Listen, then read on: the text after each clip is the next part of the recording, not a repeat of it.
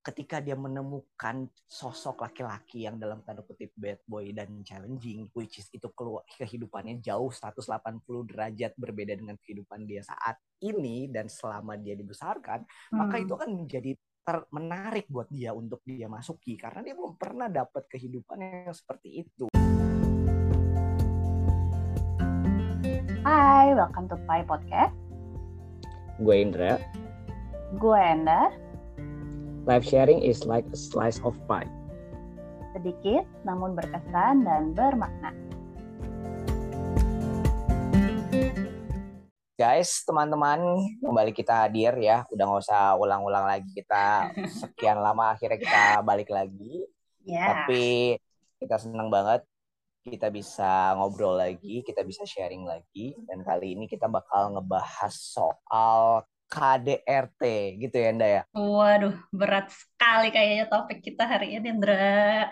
KDRT. ya. ya mungkin karena beberapa belakangan ini banyak kasus yang cukup hype terkait dengan KDRT. Kita nggak akan ngebahas terkait dengan KDRT yang merebak itu, tapi hmm. topik ini relate banget sama ternyata kehidupan kita dekat dengan kehidupan kita dekat juga mungkin sama hmm. kehidupan para pendengar kita yang ada hmm, ya mungkin ada kenalan kita atau teman kita atau bahkan kita sendiri Andra ya yang kadang itu kan nggak bisa terungkap ya kasus-kasus yang hmm. seperti ini gitu kalau kita sih karena kita mungkin sering dengerin di ruang konseling kali ya di ruang praktek jadi cukup hmm. ya familiar bisa dibilang ya dengan cerita-cerita yang beredar gitu.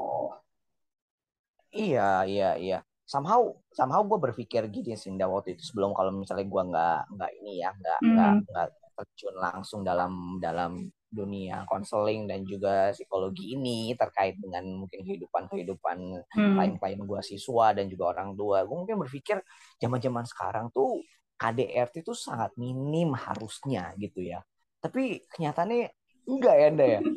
Kenapa tuh lo mikir harus ya, Tundra? Harusnya sangat minim. Gue mikir just oh.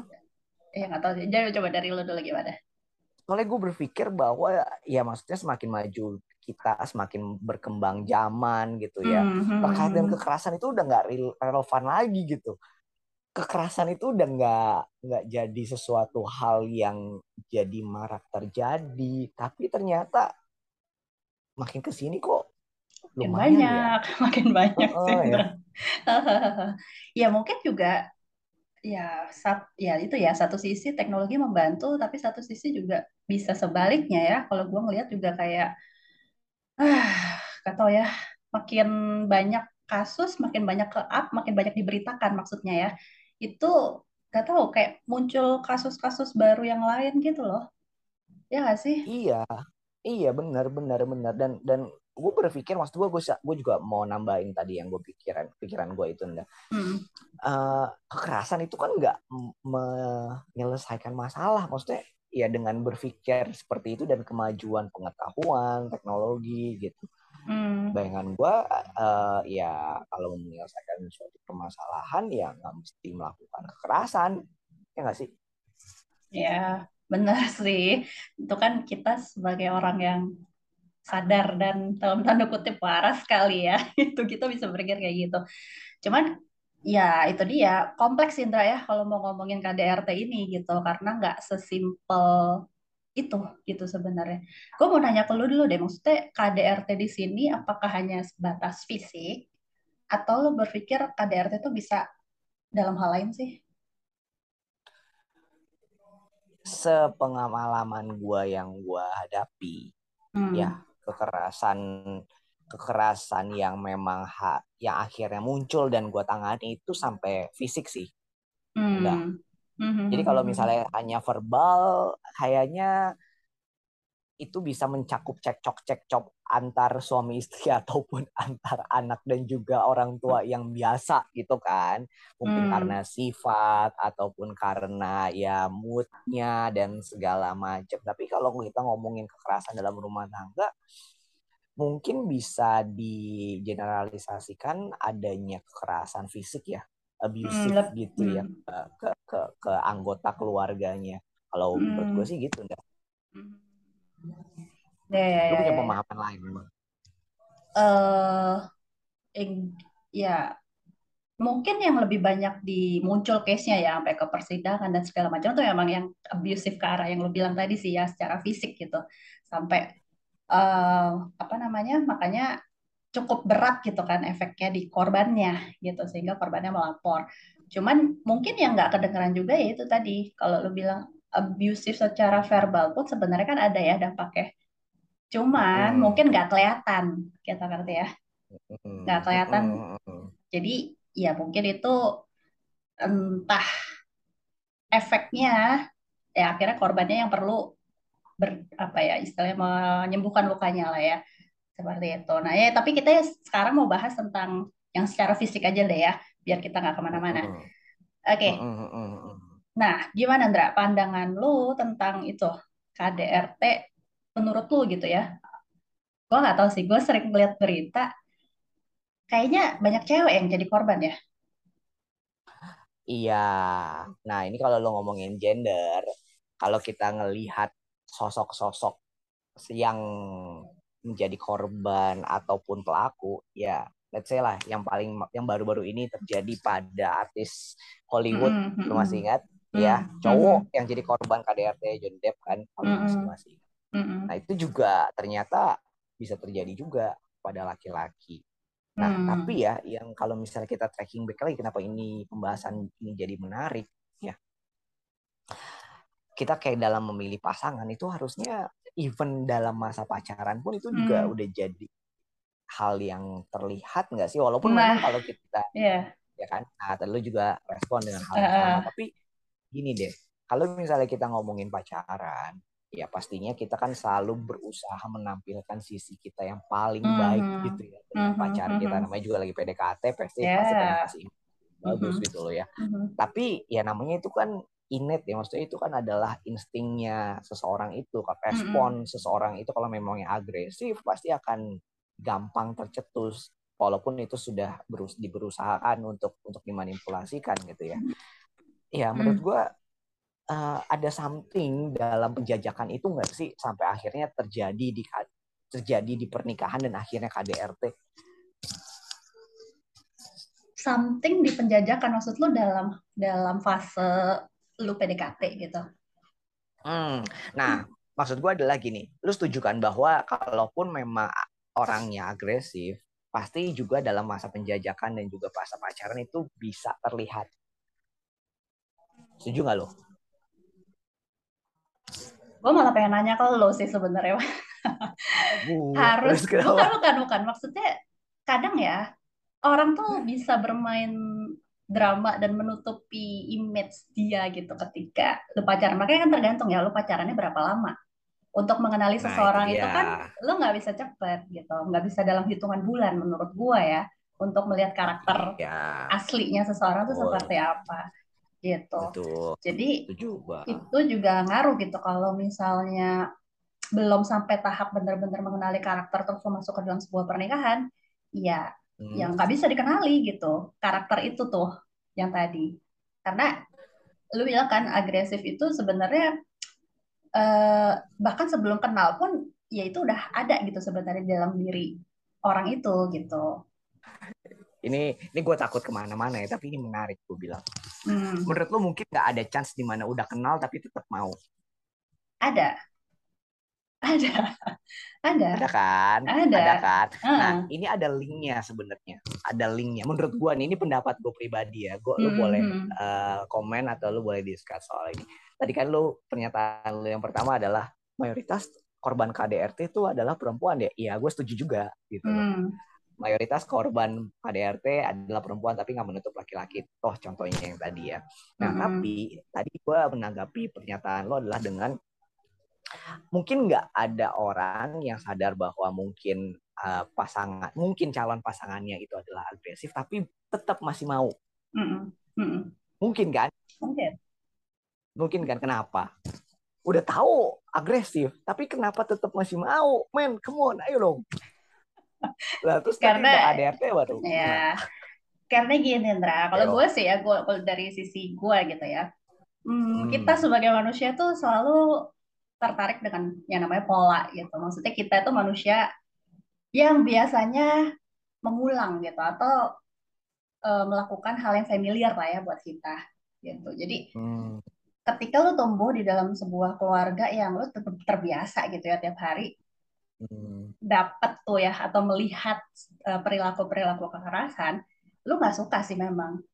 Kita ngeliatnya nggak suka, tapi tanpa sadar kita bisa attract orang yang seperti itu tanpa sadar gitu. Okay. Terus okay. yang kedua itu tadi dengan dengan harapan ya mungkin bisa mengubah situasi yang dulu nggak bisa diubah. Okay. Melihat parentsnya seperti itu gitu. Jadi ada kemungkinan okay. itunya gitu loh. Oke, okay. jadi ya ya ya gue setuju. Nah, ada satu lagi yang pengen gue uh, sampaikan dan gue setuju hmm. tadi itu juga gue juga kepikiran juga jawaban yang sama ada keinginan untuk mengubah pasangannya hmm. kan saya hmm. katakan kayak misalnya oke okay, mudah-mudahan sama gue kehidupan dia akan lebih berubah. baik ya, malahan kehidupan kitanya yang berubah iya tapi nggak okay. sadar loh Andra orang-orang itu beneran deh gak sadar sadar sadar kalau udah di KDRT-in Iya tapi dia helpless nggak bisa keluar dari situasi itu Iya, benar. Benar iya, banget, kan? benar banget. Benar, benar, benar, benar. Nah, gue mau lempar satu pernyataan ini. Hmm. Tadi kita ngomongin gender kan, gue gue lagi nggak ngarahin lo ke gender. Ya. Hmm, hmm. Wah, diskriminasi, tapi ini memang yang terjadi di dalam dalam masyarakat awam. Hmm. Cewek suka sama mayoritas cewek, mayoritas cewek suka sama bad boys. Sampai ditekenin iya kan? gitu. Karena dengan dengan dengan alasan bahwa lebih challenging gitu kan bener kan lebih challenging dan segala macam itu di luar dari ya tadi lo cerita lo ketawa-tawa aja lo di luar dari di luar dari yang lo ceritain soal kehidupan keluarganya ya yeah. wah ngomongin yeah, keluarga yeah. itu ngomongin psikologis banget kan ini ngomongin terkait dengan ya cewek. Tapi gue minim tuh denger kayak cowok tuh suka sama bad girl tuh kayak minim nggak jarang terdengar di kuping kita. Jarang kan? Nggak tahu gue ya jarang jarang. Kalau gue sebagai gak? sebagai cewek ya nggak pernah lah. Jarang gue aja sebagai jarang. cowok juga ja, juga nggak pernah. Ya ya terus gitu terus, kan? lanjut, lanjut. ya hmm. kan? Ya nah mungkin ya pertama ya kurang challenge gitu kan kurang challenge butuh challenge dan yang kedua ya ya tadi lo bilang bahwa dirasa bahwa dia bisa ngubah nah menurut lu ya menurut lu ya itu jadi bibit nggak sih? Itu jadi benih nggak sih terkait dengan uh, mispersepsi atau konsep yang salah terkait dengan hubungan yang challenging, hubungan yang yang yang enjoyable gitu ya, harus dengan pasangan yang bad, atau pasangan dengan yang challenging banget gitu buat gitu ya. cewek-cewek ya. itu ya kayak gitu-gitu menurut lu itu jadi jadi akarnya nggak sih? Itu jadi ben, bisa jadi benihnya nggak sih? Hmm, mungkin ya Andra ya, ya bisa jadi sih. Tapi ya kalau dipikir-pikir kenapa gitu ya orang cari yang challenging itu juga itu yang harus ditanyakan ke diri masing-masing ya pada akhirnya ya. Oke, Kenapa kita oke. Nah, tertarik dengan itu tadi yang gue bilang pola oke, itu. oke.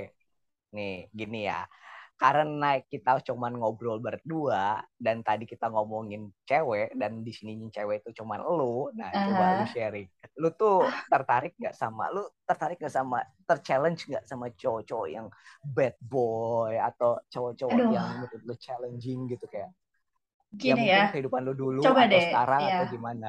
Iya ya, ngerti-ngerti. Tapi gue gua pengen meluruskan dulu deh definisi bad boy kan buat masing-masing orang beda ya gue gak tahu okay, sih nah, definisi lu... bad boy itu seperti apa gitu ngerti gak sih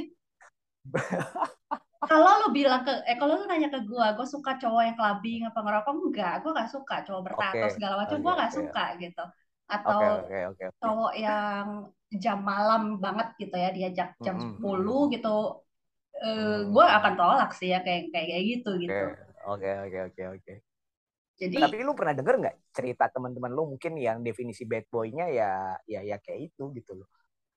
Uh, Baca gak sih teman-teman cewek lu yang yang lebih terchallenge akan kehidupan-kehidupan cowok yang yang beda banget dari kehidupan yang lurus banget gitu loh. Duh, circle gue ya kita circle-nya sama sih Andrea. Jadi pertama kayak udah kebayang gitu loh teman-teman kita kayak apa gitu.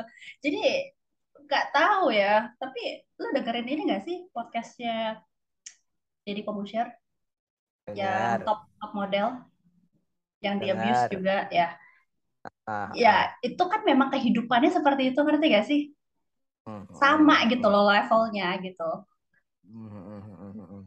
nah gue nggak tahu ya kalau di circle gue sih nggak ada jadi gue nggak tahu okay. tuh gue nggak pernah punya atau denger pengalaman teman-teman gue di sekitarnya yang Oke. Okay. tertarik dengan cowok seperti itu gitu. Oke. Okay.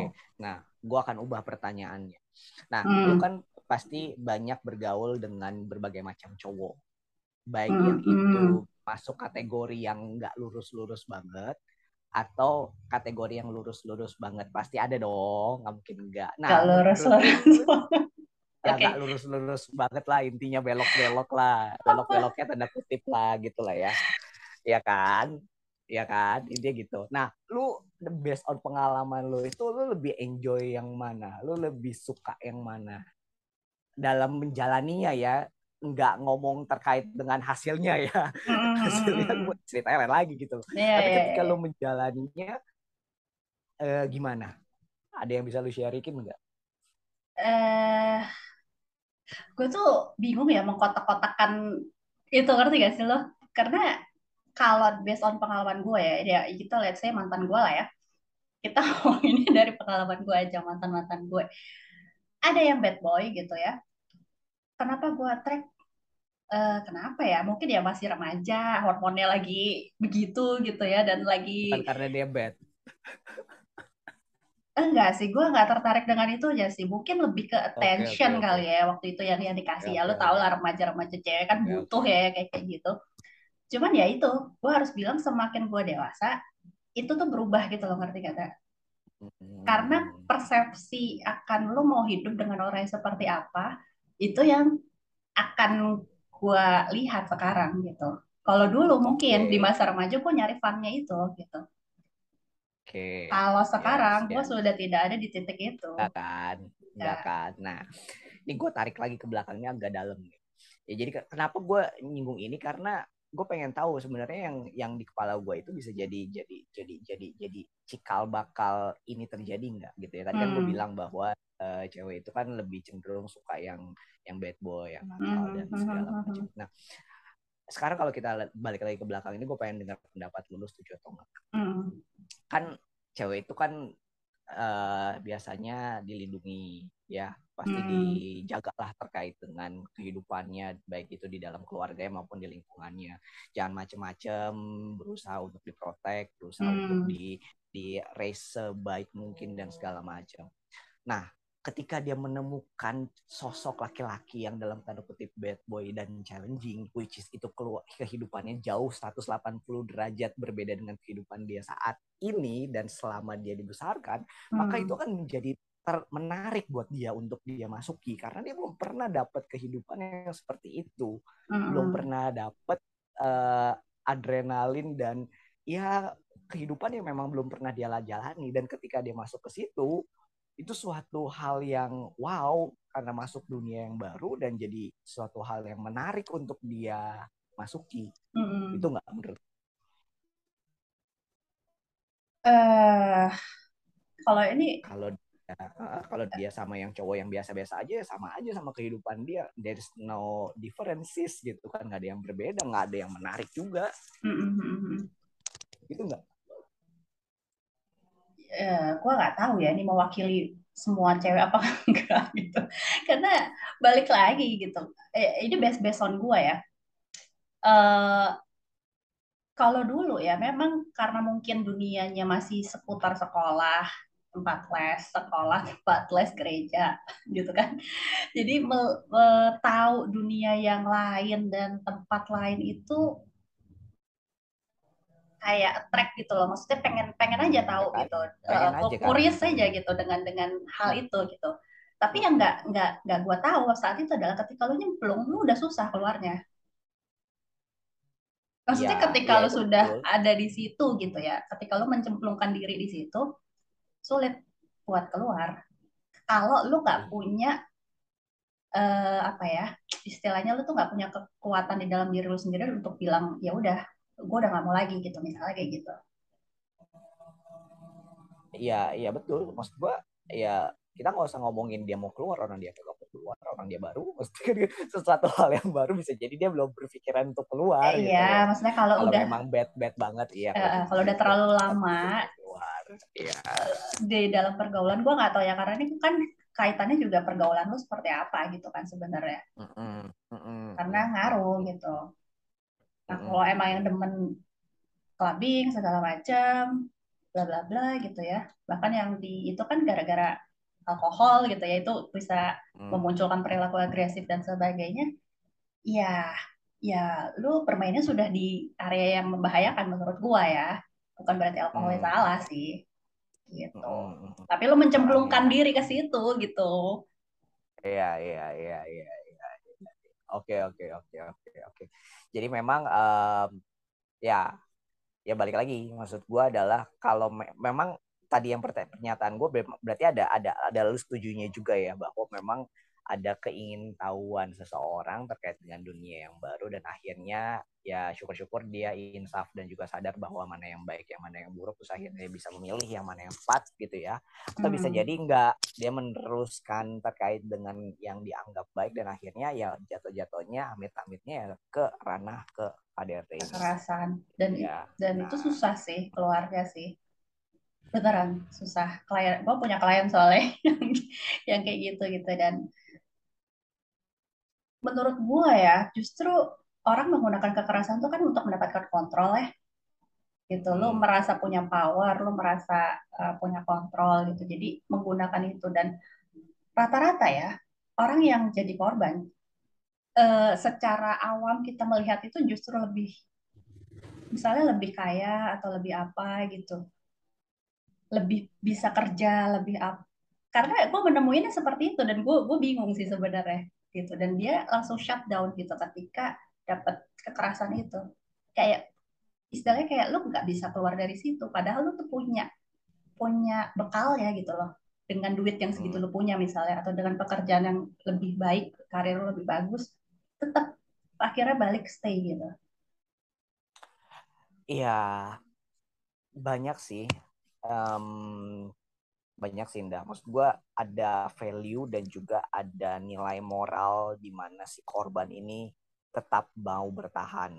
Ya maksud gue kita juga sempat uh, gue gue pun gue nggak tahu kasusnya mirip atau enggak sama hmm. lo ya, tapi mayoritas pasti juga akan sama gitu ya pasti kita muncul pertanyaan kenapa sih? Kenapa lu nggak cerai aja? Atau kenapa lu nggak bisa aja? Hmm. kenapa lu nggak kabur aja? Kenapa mm -hmm. lu nggak lu nggak ya ya ya ya cara orang normal lah ya kita berpikir. Kan begitu kan? Uh -huh. gitu dong. Ya lu di, dilakukan seperti ini pasti pasti munculnya ada beberapa alasan. Yang hmm. alasan yang paling marak terjadi adalah soal anak biasanya. Oh ya benar benar. Benar sih benar. Ya, ya, kan? ya, ya, benar. Kan?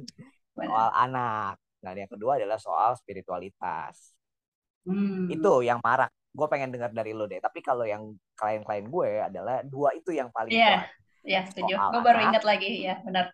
Ya kan, soal spiritualitas. Hmm. Gitu. Dan itu yang membuat uh, si korban ini tetap bertahan. Hmm. Entah itu dia dalam fase yang masih denial dan tetap merasa terpuruk terkait dengan korban kekerasannya, ataupun yang sudah bisa menerima. Ya udah gitu loh dia mukul ya udah emang ini suami gua ini istri gua ya udah dia emang perilakunya kayak begitu ya gue udah tahu cara menghadapinya walaupun dia tetap keras sama gue bisa gitu kondisinya benar, benar. tapi kita belum ngomongin kompleksitas terkait dengan keluarganya benar. nah kalau menurut lo gimana gimana dah maksud gue uh, ya kalau misalnya di luar sana kita ngeliat kan akhirnya ada yang ngatahan terus akhirnya ngelapor kan dan akhirnya keluar ada juga ada juga gue membantu klien gue untuk kabur gue pernah Uh, eh, gue juga pernah tapi nggak berhasil. Nah, akhirnya balik. Tapi itu atas keinginan dia kan, itu atas yeah. keinginan dia dia mau kabur terus akhirnya itu. Nah kalau kalau itu lebih seru lagi gue pengen dengar dari cerita lu tentang dia balik kan. Iya, nah, akhirnya dia balik. Pasti pasti kan fasenya kan muter-muter dia pas kabur muter, dia begging gitu kan, yeah. begging minta yeah. maaf dan segala macam akhirnya -huh. merasa kasihan bahwa dia nggak bisa ditinggalin saya uh balik lagi terus uh dia mau lakuin itu lagi kan betul muter -muter gitu betul, kan. betul betul nah, itu ya itu manipulatif nah, sih ya pasti ada pasti banget tuh. Bahkan sampai ngobrol sama keluarganya yang yang mm. yang yang yang mm. korban untuk minta balik minta maaf dan segala macam pasti banget itu udah pola pola banget nah kalau yang di gua itu kondisinya adalah dia pengen pengen pengen pengen pengen keluar dari rumah kemudian dia pengen cari tahu gimana caranya cari yang aman gitu ya pasti mm. ada beberapa rumah singgah rumah aman dan segala macam gitu ya gue sampein ya akhirnya dia keluar sama anaknya karena anaknya oh. pun juga dia concern sama anaknya lagi-lagi soal anak anaknya sampai takut ada dampak kesehatan mentalnya karena memang uh. muncul perilaku perilaku tertentu gitu ya terkait dengan anaknya Nah, gue pengen nih pasti para pendengar juga pengen dengerin nih terkait dengan pola yang tadi kita bahas. Nah, nah terkait dengan kasus lo coba dah, lo bisa sharing nggak? Hmm. Udah di abuse man, masih balik lagi, come on, gimana sih? itu dia, Andra. Gue mungkin ya itu dulu tuh ya gue penanganan kasus itu tuh kayaknya baru pertama kali deh gue ketemu kasus KDRT gitu. Tapi dia datang dengan ya itu udah nangis nangis sebenarnya. Nangis mulu sepanjang sesi nangis terus gitu. Terus di kan ya biasa lah kita kan masih ngobrol-ngobrol. Terus um, akhirnya baru keluar tuh pelan-pelan bahwa dia dapat perilaku KDRT gitu kan. Gue tanya ada berapa anaknya. Aduh sulit sih situasinya dia. Satu anak itu ada yang kebutuhan khusus. Itu yang bikin berat juga gitu. Dia harus kerja, dia harus ngurusin anak. Uh, ya itu tadi yang gue bilang ya, padahal dia itu punya potensi dan punya udah punya jalan gitu loh. Nah, hmm. kadang kalau dia nggak tahan, dia pulang ke rumah orang tuanya. Ke rumah orang tuanya. Yes, gitu. Cuma itu cara cara kaburnya tuh cuma kayak gitu. Tapi itu balik lagi, gitu. Hmm. Karena ya itu tadi lo bilang ada faktor anak ya di situ. Hmm. gitu. Dibalik lagi di abuse lagi gitu. Ya itu putar aja siklusnya. Minta maaf lagi terus ya gitu aja terus. Gue hmm. pernah nggak kita kan sebagai konselor psikolog nggak boleh nyaranin sesuatu ya. Jadi gue mencoba mengajak berpikir gitu. Hmm. uh, sulit sih Indra ya itu tadi ya kalau orang udah dalam kabut kayak ada asap lah di otaknya dia nggak bisa mikir jernih gitu sebenarnya dianya terluka, hmm. dia pengen minta tolong, istilah tuh kayak uh, tapi dia sendiri yang harus melakukan pertolongan pada dirinya. Itu yang rata-rata nggak iya. bisa, gitu. Betul. Khususnya Betul. kalau si cewek eh, apa cewek atau korbannya Korban. ini, iya si korbannya ini tadi selalu dalam posisi atau perannya sebagai penyelamat, gitu. Dia terbiasa dengan mengambil peran itu tuh gue harus selamatin keluarga gue harus apa gue harus hmm. apa gitu. Jadi patternnya tadi gitu ya. Kadang gue ngajak ngenalin pola itu gitu. Jangan-jangan kita yang mengambil alih gitu sebenarnya dengan kondisi yang ada padahal itu juga bukan tanggung jawab kita gitu. Gitu. Nah, itu dia. Ini gue pengen nambahin di kasus mm -hmm. gimana gimana anda masuk kalau kasus gue, gue mm -hmm. Nah kasus gue lumayan seru dan ini gue berharap dengan gue sharing ini juga ngebukain yang tadi yang lu bilang itu kabutnya itu. Oh, yes. Jadi gini kondisinya adalah uh, jadi kenapa akhirnya tadi gue sharing di awal karena kasus ini kasus ini menarik banget jadi hmm. cerita bermulai dari pasangan suami istri yang sebelum jadi suami istri ini saling bercinta ya intinya okay. karena di masa pacarannya ini ya cowoknya ini sangat posesif sama hmm cewek ini ya. Okay. ketemu teman cowok nggak boleh. Ketemu Sama. dokter cowok nggak boleh. Red flag banget itu. Ya semuanya terkait dengan cowok itu nggak boleh intinya gitu ya. Uh, cerita seperti itu. Dan kemudian dia berharap bahwa ketika menikah eh udah jadi menikah kan udah jadi miliknya dia ya. Maksudnya uh, ini, ini cerita dari sisi ceweknya. Uh, udah menjadi miliknya dia harusnya udah nggak perlu lagi posesif kayak begitu. Toh juga udah nggak mungkin lagi. Tapi ternyata enggak. Hmm. jadi batuk deh. Ternyata enggak. Dan semakin parah. Parah ya. Semakin parah. Dan dampaknya adalah kekerasan. Dan hmm. muncul di dia Nah, kemudian akhirnya singkat cerita uh, istrinya ini hamil dan kemudian sangat sangat diharapkan, sangat diharapkan, sangat mm-hmm. diharapkannya adalah laki-laki tapi yang lahir adalah perempuan. Nah, mm, terus di situlah itu di situlah terjadi kekerasan lagi, di mm. kekerasan lagi sampai anaknya ini juga mendapat kekerasan. Nah, okay. yang saya yang gue pengen sampaikan adalah anaknya ini kan sehingga berjalannya anak ini besar, Nah, jadi si ibunya ini berusaha untuk nge-backup anaknya. Backup. Nah, nge-backup anaknya, nge-backup anaknya dalam melindungi anaknya, oh, pasang okay. badan. Iya. Yeah, Kalau yeah, mau yeah. pasang badan dan dan, hmm. dan anaknya ini aware bahwa selalu ada mamanya. Nah, hmm. hal yang terpenting adalah yang pengen gue cerita adalah anak ini tiba-tiba saat saat dia besar, sekarang ini yang jadi klien gue ini anak hmm. ini jadi mengambil peran bapaknya saat papanya nggak ada. Jadi mamanya menyelamatkan anaknya, tapi anaknya malah juga melakukan hal yang sama ke mamanya. Okay. Ya, Menariknya, ya, ya, ya. mamanya ini nggak bisa kasih tahu ini ke papanya karena dia harus membela anak anaknya. Oke. Okay. Jadi mamanya ini jadi double korban sekarang.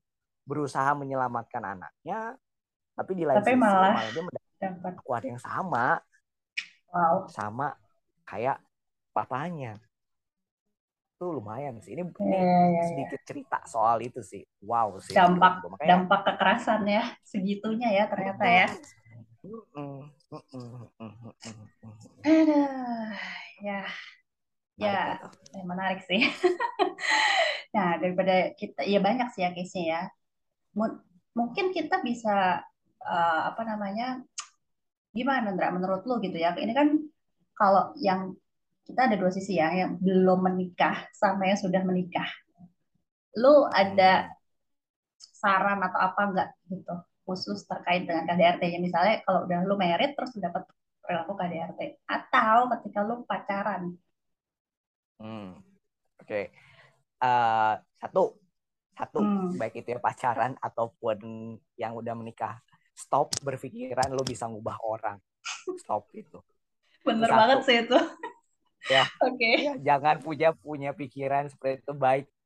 Kalau lu lagi dalam masa penjajakan, stop pemikiran itu. Kalau misalnya lu sekarang dalam proses pernikahan, lu harusnya udah terbuka akan pemikiran itu dari dulu pas pacaran lu pengen gubah sekarang udah merit lu masih pengen gubah berarti lu belum berhasil dan lu nggak akan berhasil gitu ya itu Betul. satu setuju yang yang kedua adalah kalau misalnya masa pacaran udah kayak begitu udah mendingan stop aja karena itu udah jelas masa penjajakan dia pasti akan tampilin citra yang citranya yang paling yeah. bagus jadi udah udah, udah kelihatan udah mendingan stop mm-hmm. gitu ya refleksnya nah kalau yang udah merit nah ini penting sih yeah. pentingnya gue nggak bisa bahas banyak soal ini tapi kalau kalau gue boleh saran lo mendingan bagi bagi teman-teman yang mengalami itu dan tahu ada temennya juga mengalami hal itu mendingan hmm. hubungin profesional deh mendingan kita uh, ke psikolog ataupun ke konselor pernikahan. Itu penting banget sih.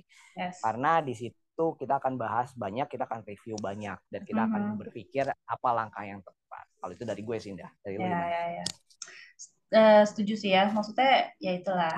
Kalau pacaran kadang kita buta ya dibutakan oleh cinta. Tapi coba pakai logikanya sedikit gitu untuk melihat bisa khusus ya ya makanya. Kan kita butuh teman-teman di sekeliling yang kadang Temennya bisa betul, melihat ya, gitu bukan dianya. Kadang kita juga butuh masukan gitu ya dari teman-teman yang kenal kita mungkin lebih lama daripada nih orang baru PDKT gitu kan. Itu bisa jadi uh, apa ya kaca lah buat kita gitu. Terus kalau ya, ya sama sih sebenarnya ya kayak lo ya. Kalau udah merit ya itu cara sulit sih ya apalagi kalau udah punya anak. Mungkin kita butuh membantu diri kita terlebih dahulu gitu sebelum kita bantu anak kita gitu. Jadi ya sebaiknya pergi ke profesional, psikolog pernikahan kalau tadi kata Indra. Atau gue tertarik sama lo tadi bilang lo kasih uh, saran ke orang tua tentang rumah singgah atau apa enggak lo bisa ini enggak sebut. Boleh nggak sih sebut di sini hmm, boleh aja sih jadi memang ada jadi gue nggak tahu soalnya gue sekalian di, pengen tahu oke di Indonesia itu ada Kementerian Pemberdayaan Wanita dan juga anak kan perlindungan mm -hmm. perlindungan wanita dan juga anak itu PP, mm -hmm. PP apa gitu ya nah kemudian mm-hmm.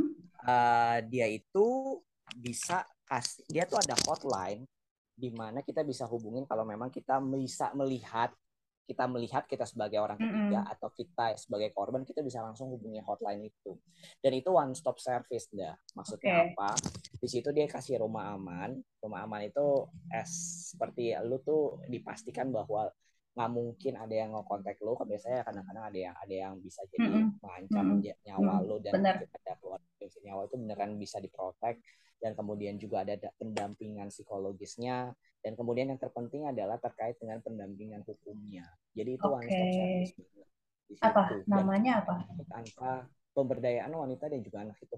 Oh itu namanya? Kementerian nah, oh jadi, hotline-nya. Nah, oh. kalau misalnya bisa cari bisa di browsing langsung langsung muncul tuh nomor oh. Oke, jadi teman-teman yang yang punya kenalan atau bahkan dirinya korban bisa tadi ya searching di Google aja Kementerian dan Pemberdayaan Pemberdayaan anak juga dan perempuan. Anak dan wanita. Oke. Okay. Gitu. Itu penting sih Indra karena kita kalau gue ya sering lihat film di luar negeri tuh banyak tuh tempat-tempat rumah singgah ini. Tapi gue tuh suka bingung ke Indonesia tuh mau mau cari tempat aman tuh di mana gitu. Karena nggak di semua kota ada kan ya. Ini di Jakarta. Betul. Ah, uh, email hotline tahu ya kantornya sih di Jakarta tapi harusnya sih ini di di di, di seluruh Indonesia ya karena memang ini kan oh. di bawah under kementerian yang enggak. Jadi hmm. harusnya sih semuanya hmm, hmm, bisa. Hmm, Penting Tuh. sih itu. Jadi uh, ini bebas biaya ya teman-teman. Maksudnya okay. ini enggak ada biayanya gitu. Jadi memang kalau di dalam yang namanya juga pemerintah harusnya ini bisa cover. Mm-hmm. Tapi memang ada beberapa dan juga ada ada ya ada beberapa dari kita yang rasa nggak nyaman kalau misalnya ngomongin ngomongin pemerintah kan yaitu yes, balik lagi ke, ya, ya. ke diri masing-masing gitu sih. Oke, okay.